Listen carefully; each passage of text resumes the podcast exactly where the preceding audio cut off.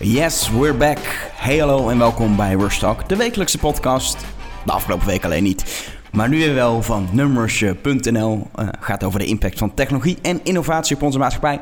Mijn naam is Elke van der Wel en tegenover mij zit uh, collega Stan Hulsen.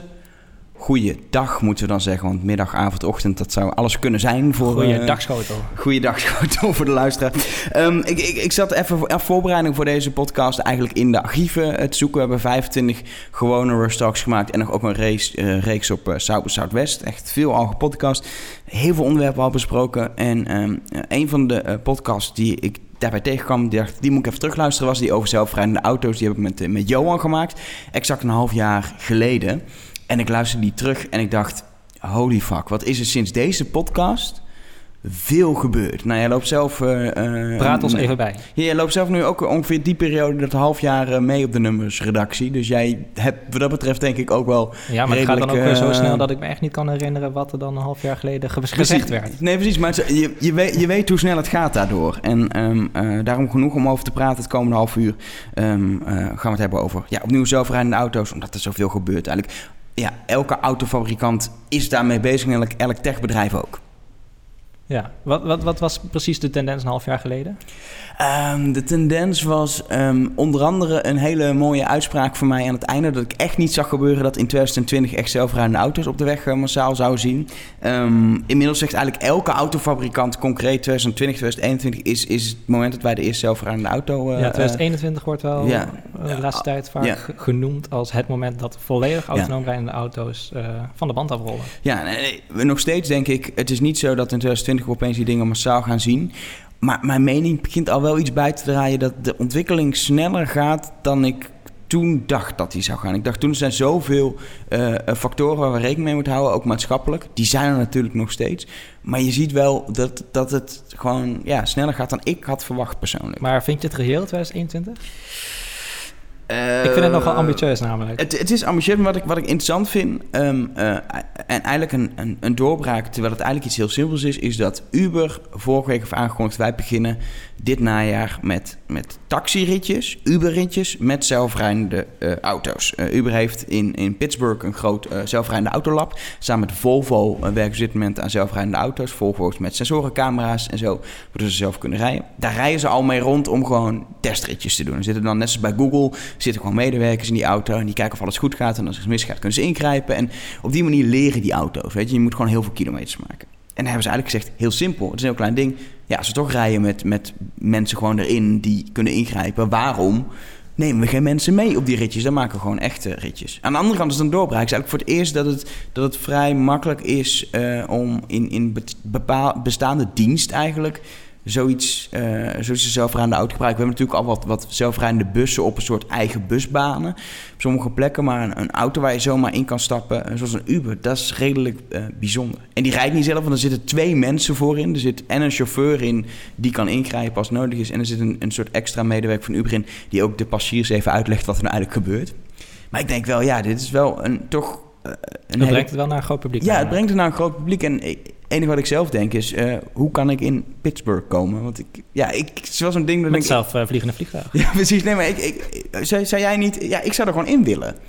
Ja, uh, ja om, gewoon om te zien hoe het dan in zijn werk gaat natuurlijk. Precies. Dat is interessant. Het is machtig interessant. Hoe, en of er, dan, zou er dan, of er dan een ingreep nodig is... en wat die mensen die dan ja, die controle eigenlijk uitvoeren... of het allemaal goed gaat, wat die doen... en hoe, gewoon, hoe is het om ja. daarin te rijden? Maar zelfs als je in Pittsburgh woont en je bestelt een Uber... dan is het nog niet zeker dat je er eentje voor je neus verschijnt. Want Nee. ze worden willekeurig uh, toebedeeld. Ja, het Dus, is een eh, soort ra- randomness. Dus is waarschijnlijk een hele geheime code die je moet hebben. Dan krijg je er altijd. Maar in principe, inderdaad, als je een Uber bestelt, is er een kans dat je hem krijgt. Volgens mij hoef je op het moment dat je de zelfrijdende versie krijgt, ook niet te betalen. Dus dan heb je nog een gratis ritje. Ehm, ehm, maar ja, wel heel risicovol. ja, je moet wel even een contract tekenen dat ze niet verantwoord Nee, dat, Ja, precies. Nee, volgens mij willen ze het, ze doen het natuurlijk alleen als het echt veilig is. En daarom zitten er ook mensen in die, eh, ehm, die, die, ja, die ingrijpen. Ja, maar ze zijn dus ook niet echt zelfrijdend natuurlijk. De Amerikaanse National Highway Traffic Safety Administration die onderscheidt vijf levels daarin, van 0 tot en met 4. Uh, waarbij 4 dus een volledig autonome auto is en uh, level 3 een stapje daaronder. Um, we zien op dit moment nul auto's die op level 4 zitten. Google werkt er natuurlijk wel heel hard aan om dat mogelijk te maken. En Uber op dit moment ook. En Uber ook. Uh, maar ze zijn niet uh, zo volledig autonoom dat ze alles zelf kunnen. Nee, het is, en het daar is, streeft Uber uiteindelijk wel naar, naar Ja, level 4. Uh, Level 4 wordt pas bereikt eigenlijk als, als dit soort auto's die testfase doorgaan. En je, ze kunnen zeggen, nou we kunnen nu zonder dat die controlerende persoon erin zou die moeten kunnen rijden en is het 100% veilig. Dan, dan, ja, dan, zonder dan, stuur, zonder gaspedaal, wat je bij sommige van die Google golfkarretjes nu ook al... Uh, wat ze willen eigenlijk. Ja, wat ze willen, want ook in die golfkarretjes is in het, in het ontwerp zit geen stuur meer. Maar in de versie waarmee ze testen van die golfkarretjes zit wel weer gewoon een stuur en Ja, pedaal. de wet. Uh, Ja, precies vanwege dat die optie die moet zijn om, uh, om in te grijpen.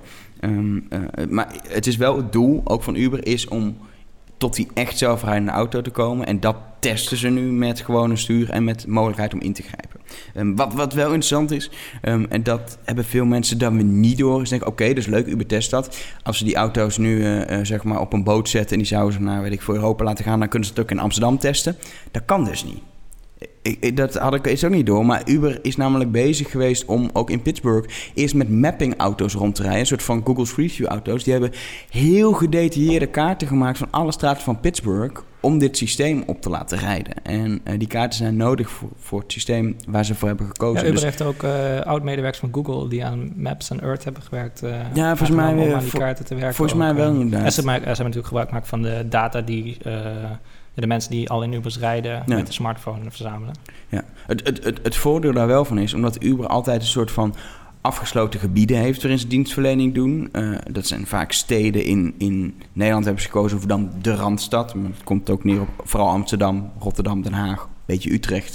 Het schijnt dat ook in Hilversum waar jij woont, daar kun je officieel een Uber bestellen, maar die is er nooit. Heb ik wel eens gehoord. Um, um, maar weet je, die, dat is te overzien om dat zelf in kaart te brengen. Dus Uber zou dat in theorie, uh, als ze dit willen uitbreiden, in kaart kunnen gaan brengen. En dan kunnen ze dat doen. Terwijl als je echt de hele wereld wil doen, een normale zelfrijdende auto, moet op, in principe op elke weg uiteindelijk kunnen.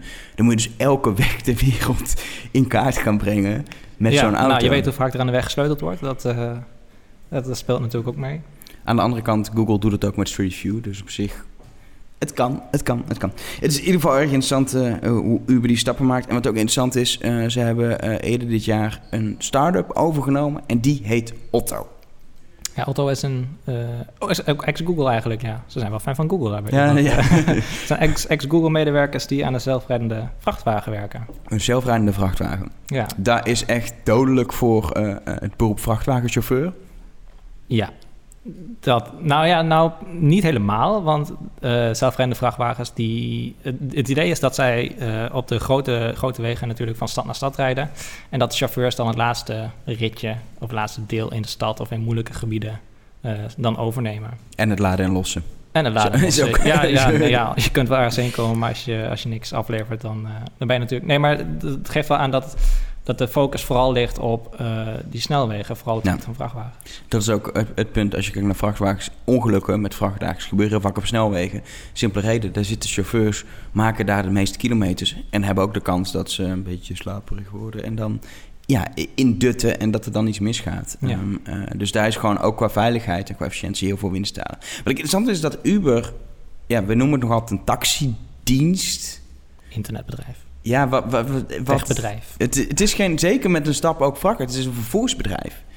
Ze zijn, maar ze, ja, ze zijn, voeren, voeren niet zelf. Ze, er worden mensen uh, ja. betaald om dat voor hun te doen. Ja, maar ja, ja. Oké, okay, ja. Maar het is lastig omschrijven natuurlijk, omdat ja. je, je wilt de focus leggen op het vervoeren van mensen. Dus ja, maar het bedrijf. Precies, maar zeker als die stap nu maken naar vrachtwagens, dan is dat wel echt... Ja, dan kun je het niet meer een taxibedrijf noemen. Dan wordt het een vervoersbedrijf. Dan wordt het een vervoersbedrijf. Nee, precies. Of je nou dus mensen of bananen vervoert, dan maakt dan maar niks uit. Nee, dat is ook weer... Ja, nee, het maakt voor hun niet uit. Maar het is wel, weet je, ze komen... We zagen het als een bedrijf wat, wat de concurrentie aanging met de taxi-industrie. Dat gedisrupt heet, zoals we dat zo mooi noemen. Maar nu zie je ze zo... Ze, ze breiden hun, hun, ja. hun visie... Zo, het gaat gewoon om vervoer. Ze zeggen, we willen vervoer efficiënter maken en beter maken. En dat is Dat hun, draait hun er nu wel vanaf eigenlijk. Dat het niet blijft Ja. steken bij de taxi, uh, taxibranche. Als, als we kijken naar zelfrijdende vrachtwagens... Dan, dan hebben we daar meer over gehoord afgelopen half jaar. Ja, ik denk ook dat die eerder wel uh, echt, echt zelfrijdende vrachtwagens wel echt eerder uh, de weg op gaan dan echt autonoom rijdende auto's. Omdat, omdat daar meer... Omdat, ja, omdat het echt gaat om die, om die kilometers op de snelweg.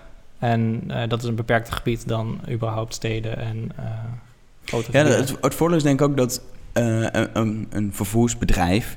is het makkelijker om daarin te investeren dan jij en ik die een nieuwe auto kopen. Die gaan niet de duurste, nieuwste, zelfrijdende auto kunnen kopen. De meeste mensen, natuurlijk altijd rijke mensen die het wel kunnen. Maar voor heel veel mensen geldt dat je dat niet zomaar aanschaft. Terwijl vervoersbedrijf is een hele interessante investering om, om als die zelfrijdende ja, want de vrachtwagens grootste zijn... kostenpost om- is om- natuurlijk om, de chauffeur. Ja, om, om, om daarin te investeren.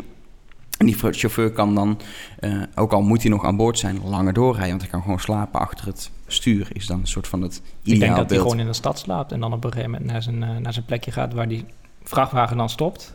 Ja, maar hoeft niet meer. Nu moeten ze om de zoveel uur moeten ze stoppen en moeten ze Ja, ja. slapen. En, en dan kun je in principe doorrijden, denk ik. Gewoon totdat je ergens in Zuid-Frankrijk bent. Ja, maar moet er dan ook niet doorbetaald worden?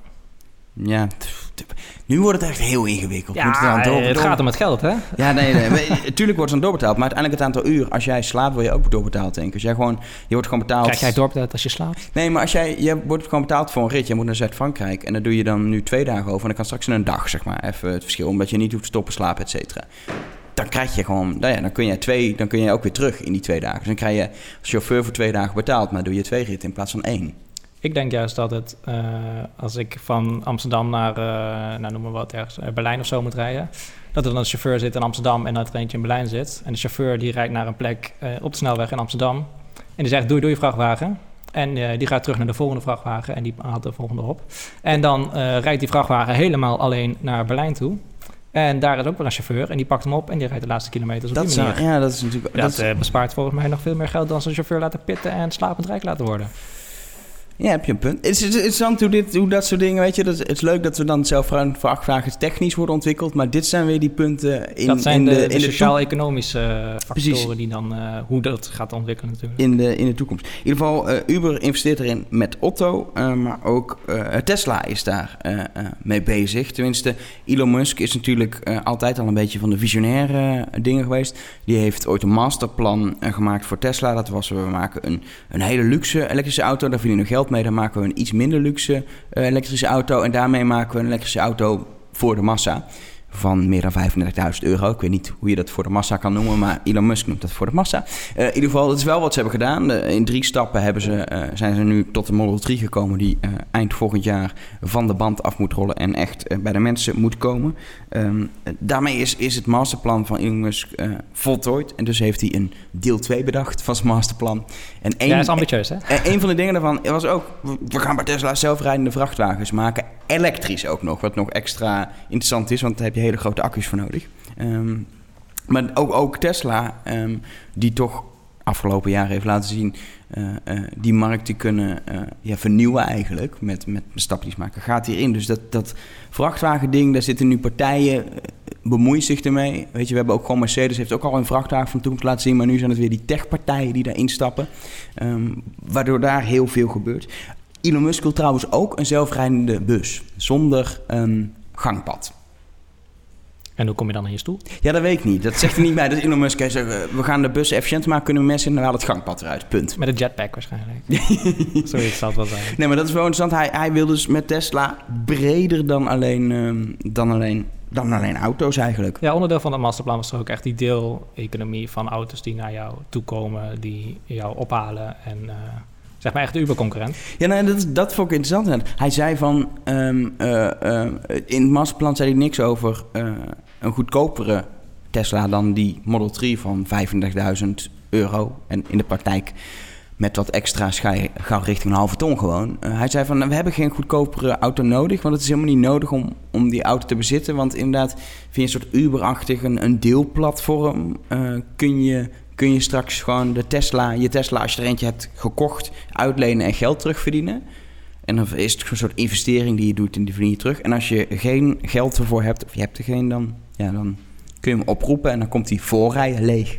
Ja, dus het uiteindelijke idee is natuurlijk dat het eh, over het algemeen gezien goedkoper wordt om een Uber of een Tesla te nemen dan zelf een auto aan te schaffen. Ik ben wel benieuwd of het, of het Tesla lu- lukt om, om dat van de grond te krijgen. Uber heeft nu dat hele netwerk, die app, die gebruikers. Tesla heeft alleen maar auto's en klanten van die auto's, maar hebben niet die, die infrastructuur die, die Uber he- op dit moment heeft, hebben zij niet. Dus het is best wel lastig denk ik om dat even op te bouwen. aan de andere kant, het is Elon Musk. Ja, wie weet. Moet Hij heeft wel graag gekkere dingen gedaan, denk ik, Ja. of niet? Hij heeft zeker gekkere dingen gedaan. Dat En dan vraag natuurlijk ook of mensen zomaar hun eigen Tesla willen, willen uitlenen. Dat is dat waar hij voor me vorig overheen stapt. Voor heel veel mensen is een, is een auto eh, op dit moment een bezit. Eh, als het gaat om deelauto's verandert dat al. Maar juist een Tesla, als je die koopt, dan koop je een auto omdat je een mooie auto wil voor jezelf. Het is een statussymbool. Juist een Tesla heeft dat op dit moment in ieder geval nog heel erg. En dat zal niet zomaar veranderen. En daar stapt hij heel erg overheen. En heel veel mensen willen dat niet ja, zomaar een vreemde in hun auto laten rijden, denk ik dan. Ja, misschien is hij way beyond ons allemaal en eh, loopt hij gewoon op de zaken vooruit. Nou, eh, tot nu toe, zijn- het eerste Marsplan is hem wel gelukt. Dus ehm, ik, ik ben gewoon benieuwd of dit ook gaat lukken. Voor de komende tien jaar moet het gaan gebeuren. Dan zitten we in 2026 als het allemaal werkelijkheid moet zijn. ja, ik schrijf het op en over tien jaar... eh, Over tien jaar maken we er een podcast over. Te- Tesla was trouwens eh, niet alleen op deze manier het nieuws natuurlijk het afgelopen half jaar, maar ook dat, dat, dat ongeluk. Wat toch wel ja, een, een ding is waar veel in de media is over is gesproken begin deze zomer. Ja, nou, dat was een dodelijk ongeluk inderdaad. Het eerste met een zelfrijdende auto werd het, eh, werd het zo genoemd. Wat was het geval? Er kwam een vrachtwagen, dacht ik, eh, met een trailer kwam eh, de weg oprijden, zijwaarts. En de autopilot van de Tesla, die heeft dat niet gezien. Omdat de lucht, volgens de verklaring van Tesla, te fel belicht was en daardoor dezelfde kleur had als de trailer. Gevolg, blinde vlek en bam. Ja, wat ik, wat ik er interessant aan vind is, ehm, eh, wat, natuurlijk daarmee speelt, ja, eh, Tesla zegt zelf ook, het is een test en je moet kunnen ingrijpen als, als bestuurder. Ehm, die discussie... Altijd aan het sturen Ja, altijd handjes aan het altijd sturen eh. Maar wat ik interessant aan vind, natuurlijk, daar gaat het, ging het volgens over in de media, maar met veel meer, waar me veel over ging, is dat er allerlei consumentenorganisaties waren die zeiden, eh, Tesla moet die autopilot-functie tijdelijk uitzetten en eh, is nog niet veilig genoeg, et cetera. Maar juist vanuit de overheden die het moeten reguleren, natuurlijk ontstond er een discussie over veiligheid. En bijvoorbeeld in, in, in Duitsland zegt er moeten zwarte dozen in, in dit soort auto's, zodat we achteraf kunnen zien is het nou een menselijke fout? Is het een fout van de techniek? Hoe komt dit? Weet je, dat dat te achterhalen is. Maar er is eigenlijk vanuit overheid niemand die op de rem trapte in die ontwikkeling van... oh, wacht, dit soort... Tuurlijk, we wisten dat dit kon gebeuren. Dat wachten tot zoiets zou gebeuren, zo'n ongeluk. Het is gebeurd en het zorgt toch niet voor een soort van algehele eh, angst voor technologie... en we moeten nu met z'n allen op de rem staan en eens kijken hoe dit verder gaat, voor mijn gevoel. Ja, ik denk ook wel dat die, die angst die is ontstaan na dat ongeluk, of in ieder geval die organisatie die zegt van we moeten, we moeten dit even, even op de rem trappen eigenlijk, dat die misschien wel wat overdreven was. Op de rem trappen. leuk. Want, eh, ja, eh, want ja, ze noemen natuurlijk allemaal wel de zelfrijdende auto, maar ik bedoel, het zijn functies die het rijden makkelijker maken en je kunnen helpen met assisteren. En die, die kennen we al 100 miljoen jaren. Daar zijn ook al 100 miljoen onge- ongelukken mee, ja, mee nee. eh, bij wijze van spreken. Met cruise control aan kun je ook een ongeluk Ja, eh, precies. En dat is in hebben. principe hetzelfde. Want eh, het zijn functies die het, die het rijden makkelijker maken. Maar het is geen, een Tesla is geen zelfrijdende auto. Ja. Ik, ik, ik, denk, ik denk wat dat betreft zelfs dat... ehm, We noemen het dan wel zo, eh, want dat is makkelijk. ehm, eh, weet je, eh, Tesla pusht agressief eh, een techniek die al, al verder is dan de concurrentie. In ieder geval, de concurrentie heeft techniek ook allemaal, pusht, past hem niet toe. Tesla past hem actief toe en, en pusht dat de markt in. Ook bijvoorbeeld met Summon, waarmee je hem zelfstandig de oprijlaan of de parkeervak uit kan laten gaan. Eh, Ze pushen dat actief naar de markt. Ehm, eh, daarmee ja, proberen ze al een beetje, weet je, ze moeten bij overheden ook toestemming krijgen en proberen in die, in die regelgeving dingen te doen. En juist denk dit ongeluk, ja, klinkt lullig, maar dat helpt wel dat die discussie verder gaat. En dat, weet je, er werd altijd hypothetisch gesproken over ongelukken. En nu wordt er wel over een concreet ongeluk, eh, ja, gewoon een concrete case gesproken. En daardoor heb ik het gevoel dat op termijn het alleen maar bij kan dragen aan de maatschappelijke discussie, die regelgeving. Want iedereen zit nog met hoe gaan we dit qua regelgeving doen, wie is er verantwoordelijk, et cetera. Weet je, er is nu een case. En, eh, Ja, het mooie is ook dat eh Mobileye, het bedrijf dat die techniek eh, levert, waarmee auto's dus deels autonome functies krijgen, die heeft in een verklaring gezegd na, na dat ongeluk van ja, dit, dit soort situaties waarbij dus een, een vrachtwagen vanuit een zijkant een weg op komt rijden, dat ondersteunt, onze techniek ondersteunt dat op dit moment gewoon nog niet. Dat laat gewoon heel goed zien, want eh Mobileye kan natuurlijk wel gewoon de achterkant eh, van auto's zien. Dus op die manier werkt bijvoorbeeld ook eh, Adaptive Cruise Control of Cruise Control. waarmee je dus afstand kunt bewaren. Dan moet je de achterkant van de auto kunnen zien en ook kunnen meten hoe ver die weg is. Maar de zijkant van een, van een trailer, die hebben ze blijkbaar nog niet ingebouwd. En dat geeft gewoon aan dat er uh, met heel veel situaties rekening gehouden moet worden. En dat die uh, ja, en doordat Mobile dat statement heeft gemaakt, ja, zie je ook wel hoe dat, hoe dat dan werkt. Ja, het is wel interessant, want jij noemt nu Mobile Je hebt daar vorige week een heel stuk over geschreven uh, op nummers. Echt een interessant stuk. Ik zeg lezen. Um, aan iedereen die luistert, linkjes vind je ook bij de podcast, zodat je het kan teruglezen. Uh, um, wat, wat Mobile Eye is een bedrijf die onder andere eigenlijk ja, de, de, de hele uh, techniek, de verwerkingstechniek levert achter die sensordata. Ja, Advanced Driver Assistance System heet volgens mij Precies. ADAS. Uh, dus dat is cruise control, dat is adaptive cruise ja. control, dat is uh, als je automatisch remsystemen, dat soort systemen. Ja, en, en die techniek zit onder andere in Tesla. Dat is het bekende voorbeeld. Autopilot en Summon werken in de basis op hun techniek. Tesla is daar op gaan bouwen, softwarematig. Maar, maar hardwarematig leveren zij eigenlijk de, de, de, de technologie. Um, maar ook voor heel veel andere autofabrikanten leveren. Ze zijn een superbelangrijke speler in die auto-industrie. Uh, officieel geloof ik zelfs geregistreerd Nederlands bedrijf, terwijl ze uit Israël komen. Ja, ze hebben een briefbus hier ergens in, in Nederland staan. Uh. Belastingtechnisch vast interessant. Maar um, uh, we horen heel weinig over dat bedrijf, omdat ja, het is, het is een beetje hetzelfde als een chipfabrikant van een computer, weet je.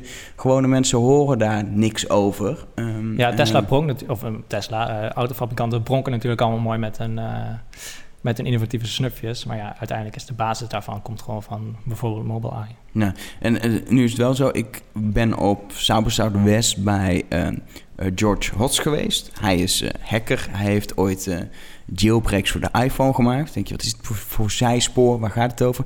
Maar George Hotz heeft in zijn garage, geen grap, in zijn garage een zelfrijdende auto gebouwd met echt, ik geloof dat het uh, uh, een paar honderd dollar aan, aan hardware was. Uh, sensoren, camera's, lasers, shit. wat hij op de auto heeft gebouwd. Vervolgens heeft hij zelf de software helemaal geprogrammeerd. En is hij dat systeem gaan leren rijden door zelf te gaan rijden. En die auto te leren hoe een mens rijdt. Het idee is dan dat het gemiddelde van alle mensen is de ideale chauffeur, is zijn visie. En ik heb hem op, uh, op een presentatie gegeven waarin hij uit ging leggen hoe hij met zijn zelfgebouwde garagesysteem de hele zelfrijdende auto-industrie ging disrupten. Um, uh, moeten we eerst zien dan geloven. Uh, hij heeft aan een start-up nu. Maar hij wil um, geen level 4 maken, hè? Nee. Hij gaat tot level 3. Dat geloof Tenminste, ik. dat is voorlopig wel. Hij zegt, hij zegt wel ex expliciet van, we maken geen level 4, we maken nee. level 3. Nee. Dus niet de volledig autonoom, maar...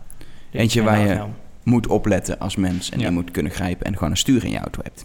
Um, wat, wat ik interessant vond, uh, is dat hij Mobile Eye compleet afzeek in zijn presentatie. Hij zei, die techniek, Mobile Eye, uh, is gewoon niet krachtig genoeg om, uh, om, om ja, te doen wat bijvoorbeeld een Tesla wil. Weet je, die, die, die techniek is gewoon niet goed genoeg. Het is gewoon eigenlijk, hij noemt zelfs gewoon letterlijk crap, geloof ik, wat Mobile Eye maakt. Vond ik wel interessant, weet je, hij heeft Wat waren echt de zwakke punten dan die hij uh, Volgens mij was het simpelweg de, de, de beperking in, in rekenkracht en, en hoeveel data dat mobile eye-systemen kunnen verwerken op dit moment. Dat het gewoon eigenlijk te laag is uh, om echt heel uh, geavanceerde zelfrijdende functies op, uh, op te bouwen. En precies wat jij als voorbeeld gaf bij Tesla, bij Tesla-ongeluk, dat hij op de zijkant helemaal die trailer niet kan herkennen. dat is denk ik precies wat, wat, wat Hats bedoelde. Uh, aan de andere kant is Mobileye natuurlijk zijn ook niet stil. Die hebben dit systeem ooit gebouwd een paar jaar geleden voor adaptive cruise, cruise, control, dat soort dingen. Tesla is daar best wel denk ik de grenzen van gaan opzoeken. En zij zijn nu verder met geavanceerdere systemen. Zeg maar, zij, zij bouwen ook voort op betere systemen die meer camera's kunnen verwerken, et cetera. Zij staan niet stil. Dus het is een beetje moeilijke discussie, zeg maar wie ja. erin gelijk nou ja, heeft. Tesla en Mobileye, dat is, uh, dat is einde verhaal. Hè? Dat ja, die, die Tesla heeft ze eruit gegooid nu. Nou ja, officieel niet natuurlijk. officieel, uh, uh, ja, Mobileye maakt dus die chips, die onder andere die, die dat allemaal mogelijk kunnen maken. die heet de IQ-reeks. En de IQ3 zit nu in de huidige generatie Tesla's. En uh, Mobileye en Tesla hebben naar buiten gebracht dat uh, de, uh, de volgende reeks, IQ4, die als het goed is, 2017 ja. naar buiten die, komt, dat die, niet meer in de Tesla En die is weer wel weer krachtiger dan die IQ3 en kan weer meer ja, data ja, verwerken, et cetera. En zo is dan weer beter. Dat is een beetje wat ik net zeg. Maar ze raken Tesla kwijt als klant. Maar ondertussen hebben ze wel een hele leuke deal weten te maken met BMW en Intel. En is er een soort ja, ze noemen het de BMW Intel samenwerking, maar Mobileye is gewoon echt een derde partij daarin, maar is ja onbekender, dus die wordt, die wordt minder benoemd. Maar BMW en Intel, natuurlijk van de processoren, en Mobileye, die gaan met z'n drieën samen aan zelfrijdende auto werken. En dat is wel interessant, want daar gaat Mobileye, die, die heel veel van die techniek weet, samenwerken met een fabrikant die de rekenkracht. Intel kan de rekenkracht leveren. En zijn ook heel veel bezig de laatste jaren met uh, bijvoorbeeld die RealSense camera, met, met sensoren en, en diepte. Weet je, ik geloof wel dat die twee partijen samen, Mobileye heeft natuurlijk super veel ervaring al met zelfrijdende systemen. Intel met veel meer schaalgrootte en uh, krachtige rekenkracht, et cetera. Als je ja, die partij samen... een BMW en ja, maar een, uh, dat is wel combinatie. Ja, dat denk ik wel. Dus ik, we hebben alleen maar de aankondiging gehad, dit gaan we, we gaan samenwerken met z'n drieën. En uh, hebben natuurlijk weer de prachtige datum 2021 genoemd.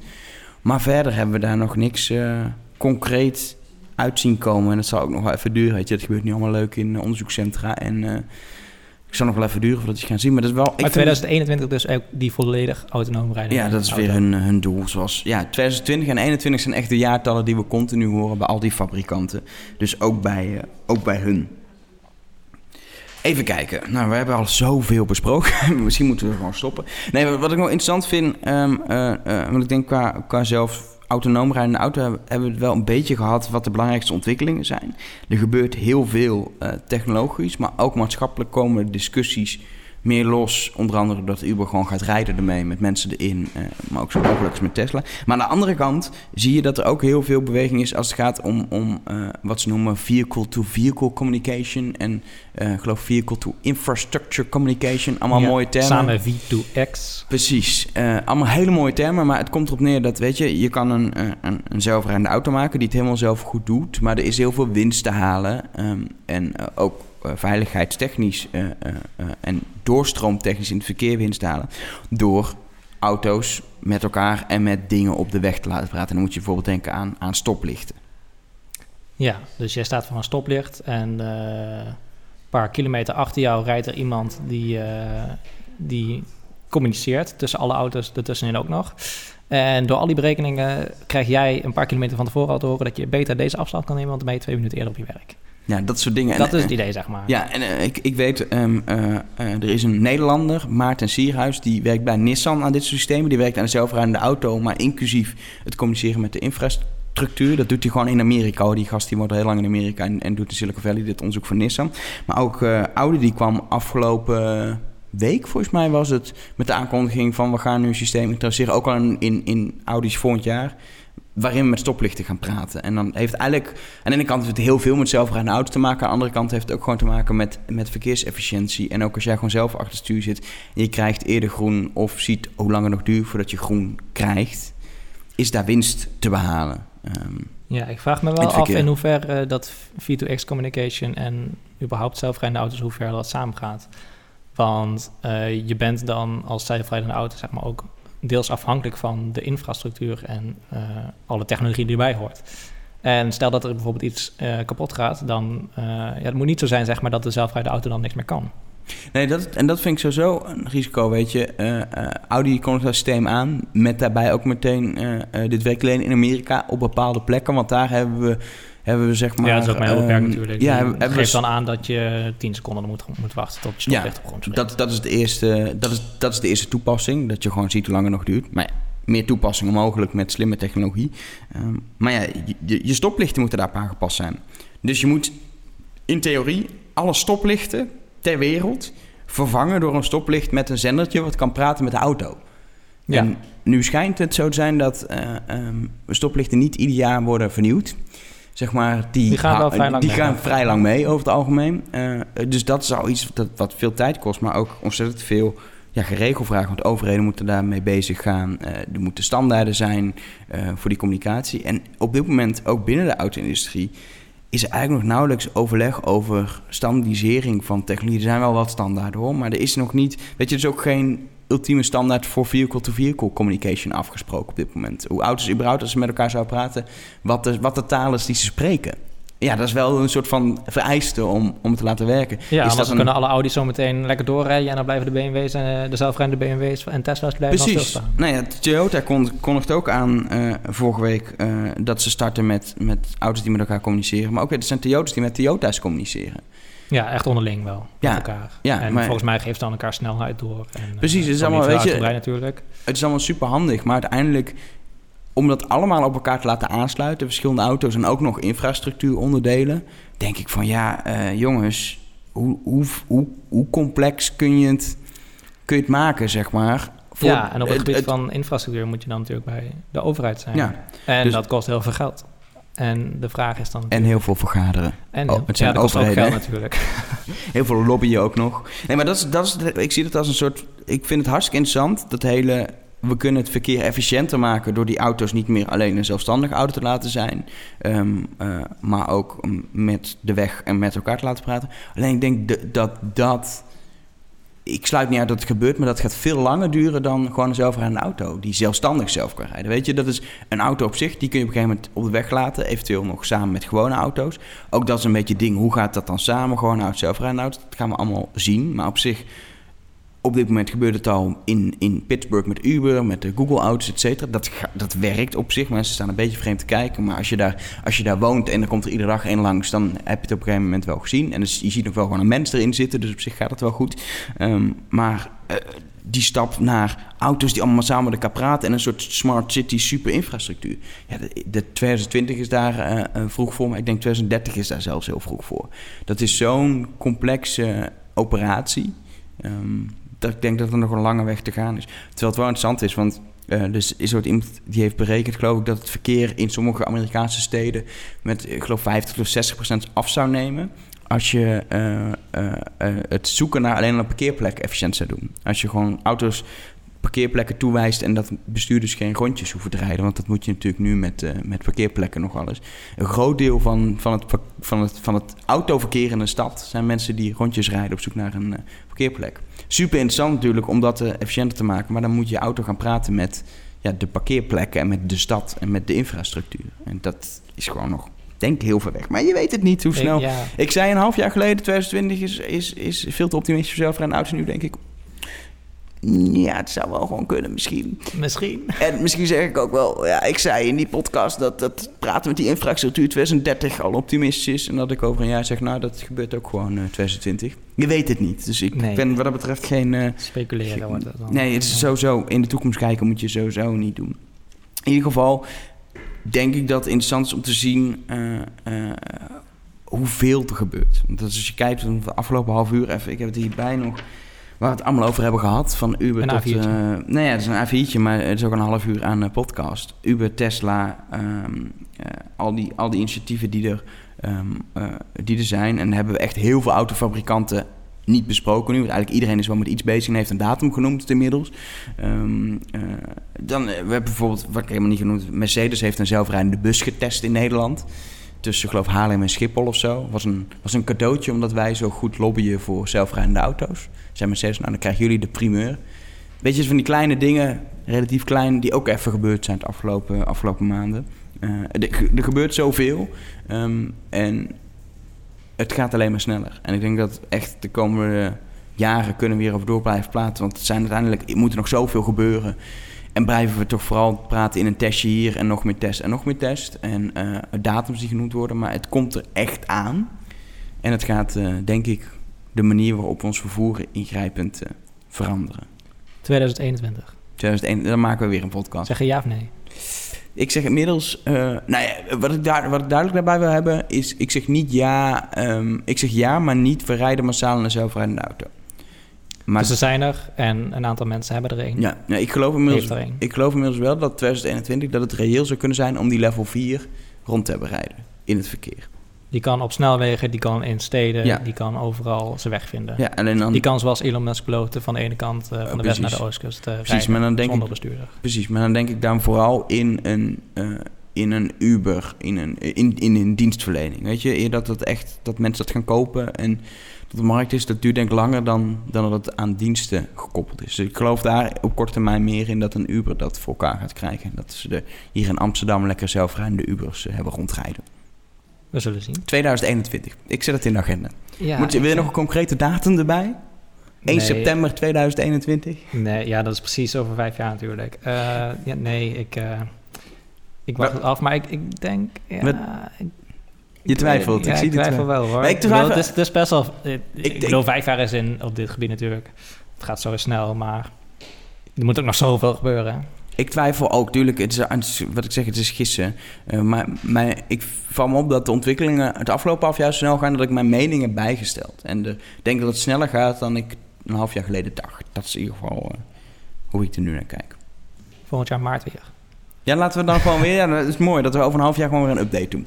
Dit was in ieder geval Rush Talk voor deze week. Ehm, sowieso kun je natuurlijk reageren. Vind ik altijd leuk. En vindt Stan ook leuk. En de rest van de redactie van Numbers ook heel leuk. Ehm, dat kan je doen door een eh, tweet te sturen naar @numbers. Wil je een persoonlijke tweet sturen naar Stan omdat je fan bent, dan kan dat naar Stan Hulsen.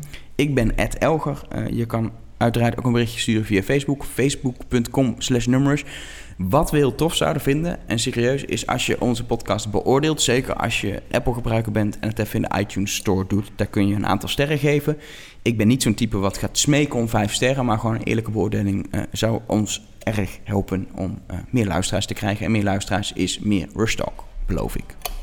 Heb jij een rijbewijs? Heb ik, nee, daar gaan we het nu niet over hebben. Ik heb geen rijbewijs. Ik wacht op die zelf een auto, daarom hoop ik op 2021. Ja, precies. Oké. Anyway, volgende week zijn we er weer op woensdag met de nieuwe Rush Talk. Aflevering 27 alweer dan, joh. Het is leuk.